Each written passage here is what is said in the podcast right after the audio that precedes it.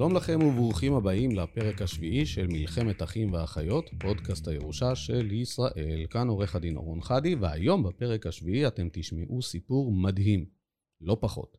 הסיפור הזה כולל משולש רומנטי. יהודה היה עובד משרד ממשלתי מסווג, ובמסגרת התפקיד שלו הוא טס לא מעט לחו"ל. אי שם בשנת 1992 יהודה מתחתן עם עדנה, בחירת ליבו, ושניהם לא מביאים ילדים לעולם. אנחנו קופצים לשנת 2004, עדנה נשואה ליהודה, אבל במהלך הנישואים היא מתחילה במערכת יחסים עם פרופסור מכובד, והיא ויהודה, כך לפי מקורבים למשפחה, מתכננים להתגרש. הם לא הספיקו להתגרש. הם לא הספיקו להתגרש כי בחודש ינואר 2005, יהודה לוקה באירוע לב, ואם זה לא מספיק, אז קצת אחרי זה הוא גם סובל מאירוע מוחי. מאז, יהודה שוקע בתרדמת, עד מותו בשנת 2017. 12 שנים של תרדמת. עדנה? עדנה לא בדיוק חיכתה לו. עדנה והפרופסור הידקו את הזוגיות שלהם. זה לא הפריע לה להתנגד לבקשה של ההורים של יהודה להתמנות כאפוטרופסים עליו, והם בתגובה לא נשארו חייבים. וכבר בשנת 2005 הם טענו בבית המשפט שעדנה מנהלת רומן מחוץ לנישואים עם הפרופסור כבר יותר משנה וחצי. ועדנה? לעדנה היו כל מיני תירוצים, אבל לא איזושהי טענה שמפריחה את הטענה של הרומן. השנים נקפו, הזוגיות של הפרופסור ושל עדנה התהדקה עוד יותר. כמה התהדקה? בשנת 2008 אפילו נולד להם ילד משותף. רק שהייתה בעיה קטנה, קטנה, קטנה. ממש קטנטנה. אתם זוכרים שעדנה עדיין נשואה ליהודה, נכון? אבל היא רצתה כנראה לרשום את הבן במשרד הפנים כבן של יהודה, למרות שיהודה כבר בתרדמת יותר משלוש שנים. אבל נכון, ליהודה אין יותר מדי say בעניין הזה, כי הוא הרי בתרדמת, אבל להורים שלו הם לוחמים, ועוד איזה לוחמים. כי עוד לפני הלידה, ההורים של יהודה הגישו תביעה נגד משרד הפנים, ובמסגרת התביעה הזו הם ביקשו צו שימנע מעדנה לרשום את יהודה כאביו של העובר. בתביעה שלהם הם טענו שעדנה והפרופסור מתגוררים ביחד, והם לא הסתפקו רק בטענות, כן? הם הביאו לבית המשפט גם דוחות של חוקרים פרטיים, שבסופו של דבר אישרו את הטענה שהיא גרה עם הפרופסור. עדנה, עדנה לא הכחישה את הטענות האלה, ואפשר לומר שהיא אפילו די התחמקה, כמו, כמו קודם, כי היא כתבה לבית המשפט שאין לה שום עניין להתייחס לפרטים בכתב התביעה, כי מרביתם הם קטעי רכילות בלתי רלוונטיים. טוב, אנחנו קופצים לשנת 2017, אז יהודה נפטר. סמוך לאחר מותו של יהודה, הגישו ההורים שלו בקשה לרשם הירושה וביקשו להצהיר שהם, ההורים, הם היורשים היחידים של יהודה. אתם מבינים, החוק בישראל קובע שבמצב הזה, אם אין לך צוואה ואתה הולך לעולמך בלי בת זוג ובלי ילדים, אז ההורים יהיו היורשים שלך. אבל לעדנה היו תוכניות אחרות. עדנה התנגדה לזה שההורים של יהודה יהיו היורשים שלו. מה פתאום? היא אמרה. אני אשתו של יהודה כבר 25 שנה, אני האלמנה שלו, ולפי החוק אני זכאית למחצית מהעיזבון שלו. המחצית הנוספת צריכה להיות מחולקת בין ההורים של יהודה. עכשיו תראו, זה מקרה קלאסי של כולם צודקים. למה? כי יש שתי גישות לעניין הזה פה בישראל הקטנה, ובתי המשפט די מזגזגים בין שתי הגישות. אז הנה הם בתמצית. יש את הגישה הפורמלית, שאומרת דבר כזה, חוק הירושה קובע שבן זוג הוא היורש, בן זוג זה אם כתוב בתעודת הזהות נשוי, כלומר שלא ניתן גט, ואם זה המצב, אז זה לא משנה שום דבר. נשוי זה נשוי, ובמקרה הזה, עדנה זכאית לחצי מהרכוש של יהודה. רגע, רגע, רגע, רגע, אתם תגידו. זה לא הגיוני, זה לא מתקבל על הדעת. אם אמרתם את זה, זה אומר שאתם כנראה חסידי הגישה המהותית שקובעת שצריך לבחון את מערכת היחסים בפועל בין בני הזוג. הבעיה היא שהבחירה בין שתי הגישות, לפני מי היא מסורה, היא מסורה לשופט שימונה לדון בתיק שלכם. אם ימונה לתיק שופט שמצדד בגישה המהותית, התוצאה תהיה שהאלמנה, עדנה, תנושל מהחלק שלה בירושה, כי היא כבר מזמן לא בת הזוג של המנוח. ואם תמונה לתיק שופטת שמצדדת בגישה הפורמלית, האלמנה המרוחקת תקבל מחצית מהרכוש של המנוח. למזלם של ההורים ושל יהודה, השופט שמונה לדון בתיק שלהם היה מחסידי הגישה המהותית, והוא קבע בצורה חד משמעית שלא ניתן לומר שבן זוג הוא כזה שלא מקיים זוגיות ותא משפחתי עם המנוח. וגם, שיש צורך בקשירת גורל, מחויבות וחיים משותפים כדי ליצור זוגיות וכדי להיחשב בן, אה, בן זוג.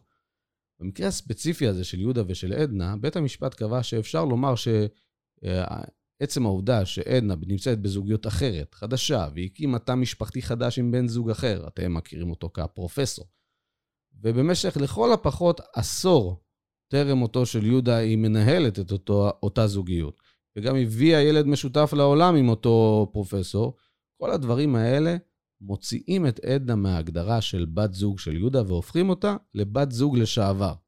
וכל פרשנות אחרת, כך קבע בית המשפט, מרוקנת מתוכן את המושג בן זוג. בקצרה, קבע בית המשפט דבר מאוד פשוט. בן זוג שווה בן זוג בפועל, ולכן הוא דחה את הבקשה של עדנה להירשם כיורשת של יהודה המנוח. איזה תובנות אנחנו יכולים לקחת מהסיפור המטורף הזה של יהודה ועדנה?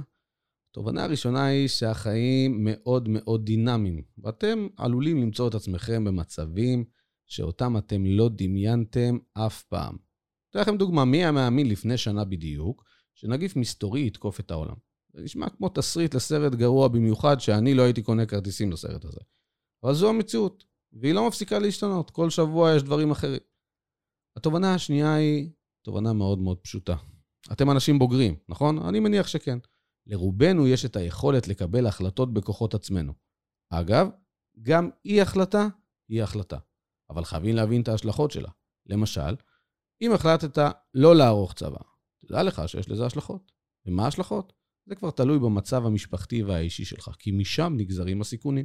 הסיכונים שעומדים למשל בפני אדם צעיר עם ילדים קטינים, הם מאוד מאוד שונים מהסיכונים שעומדים בפני אותו אדם 20 שנה מאוחר יותר. התובנה השלישית היא קשורה לתרבות ההחלטות. האם אתם אוהבים שמחליטים עבורכם? רובנו לא אוהבים. הרכוש שלנו מגיע לצמתים מאוד מאוד שונים במהלך החיים שלנו. פעם אנחנו בעמדת המוכרים, פעם אנחנו בעמדת הקונים, פעם אנחנו משקיעים, פעם אנחנו יוצאים מההשקעה, לפעמים אפילו בורחים מההשקעה. בכל הפעמים האלה אנחנו מקבלים את ההחלטות בעצמנו. אולי אנחנו מקבלים עצות מאנשי מקצוע, אבל הבחירה בסוף היא בחירה שלנו ב-100%. זה עובד גם כשאנחנו מתים, אבל רק בתנאי אחד, בתנאי שערכנו צוואה. אם ערכנו צוואה טובה, מי שיקבל את הרכוש שלנו יהיו אלה שבחרנו בעצמנו. וכל אחד מהיורשים שלנו יקבל בדיוק את מה שקבענו. אם לא בחרנו, אם לא ערכנו צוואה, המדינה בוחרת עבורנו. מה זה אומר? זה אומר שמנגנון החלוקה שנקבע בחוק הירושה ייכנס לתוקף, והרכוש שלכם יחולק לפיו. עכשיו, עם יד על הלב, אתם יודעים למי יגיע הרכוש שלכם אם לא תערכו צוואה מפורטת? תענו לעצמכם על השאלה הזאת. מה שמוביל אותנו לתובנה הרביעית. התובנה הרביעית אולי תסדוק לחלק גדול מאוד מהמאזינים את ה... נקרא לזה, האופן הרומנטי שבו הם רואים את מערכת בתי המשפט.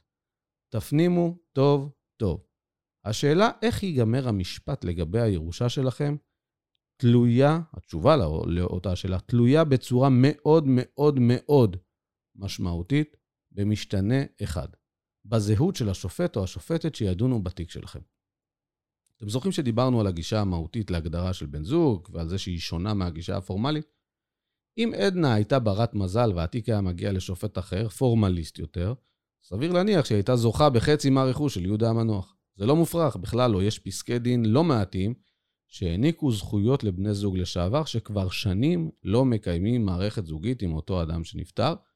למה? רק בגלל שבתעודת הזהות, ורק בתעודת הזהות, הם רשומים כנשואים. זאת אומרת, אותם שופטים שהחליטו ככה, הם שופטים שהם יותר פורמליסטים. המקרה המפורסם ביותר לאותה, לאותו דבר הוא פסק דין שניתן לפני כמה שנים, שקבע שישראלי, שהתחתן עם ישראלית, פה, בישראל, ואחרי שנת נישואין וילדה משותפת אחת, ברח לחו"ל, לבלגיה, וחי שם במשך 36 שנה, ונפרד מאשתו, שהייתה אשתו רק בתעודת הזהות, אותו אדם יירש חצי מהרכוש של אותה אישה מסכנה שלא ערכה צבא. למה היא לא ערכה צבא? כי היא הייתה בטוחה שכל הרכוש שלה הולך לבת שלה. אבל זה כמובן לא המצב. אם אתם רוצים להחליט בכוחות עצמכם ולא להזדקק להכרעות משפטיות של שופטים אקראיים שלא מכירים אתכם ואת הרצונות שלכם, יש לזה פתרון מאוד מאוד פשוט. פשוט לערוך צוואה, וזה מאוד פשוט.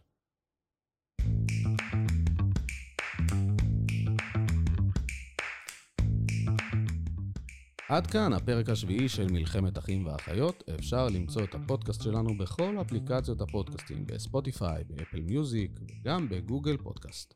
אם אהבתם את התוכן, אל תשכחו לדרג את הפודקאסט באפליקציית הפודקאסטים המועדפת עליכם. זה יעשה טוב לנו, זה יעשה טוב לכם, ונשמח גם לשמוע מכם תגובות והצעות לשיפור. אם אהבתם דברים, אם לדעתכם צריך לשפר דברים, ואת מי תרצו שנארח בפרקים הבאים, אפשר לכתוב לנו בקבוצת הפייסבוק של הפודקאסט. בפייסבוק, מלחמת אחים ואחיות. הקישור לקבוצה נמצא בדף הפרק, ואפשר גם כמובן לחפש את הקבוצה בפייסבוק. תודה לכל אחד ואחד מכם, המאזינות והמאזינים שלנו. אם נהניתם מהתכנים שלנו, שתפו את הפרק עם בני המשפחה והחברים שלכם. זה יעשה לכם וגם להם טוב, כי זה יגרום לכם להוציא הרבה פחות כספים על סכסוכי ירושה מיותרים. נתראה בפרק הבא, ועד אז, שמרו על עצמכם. רק בריאות. thank you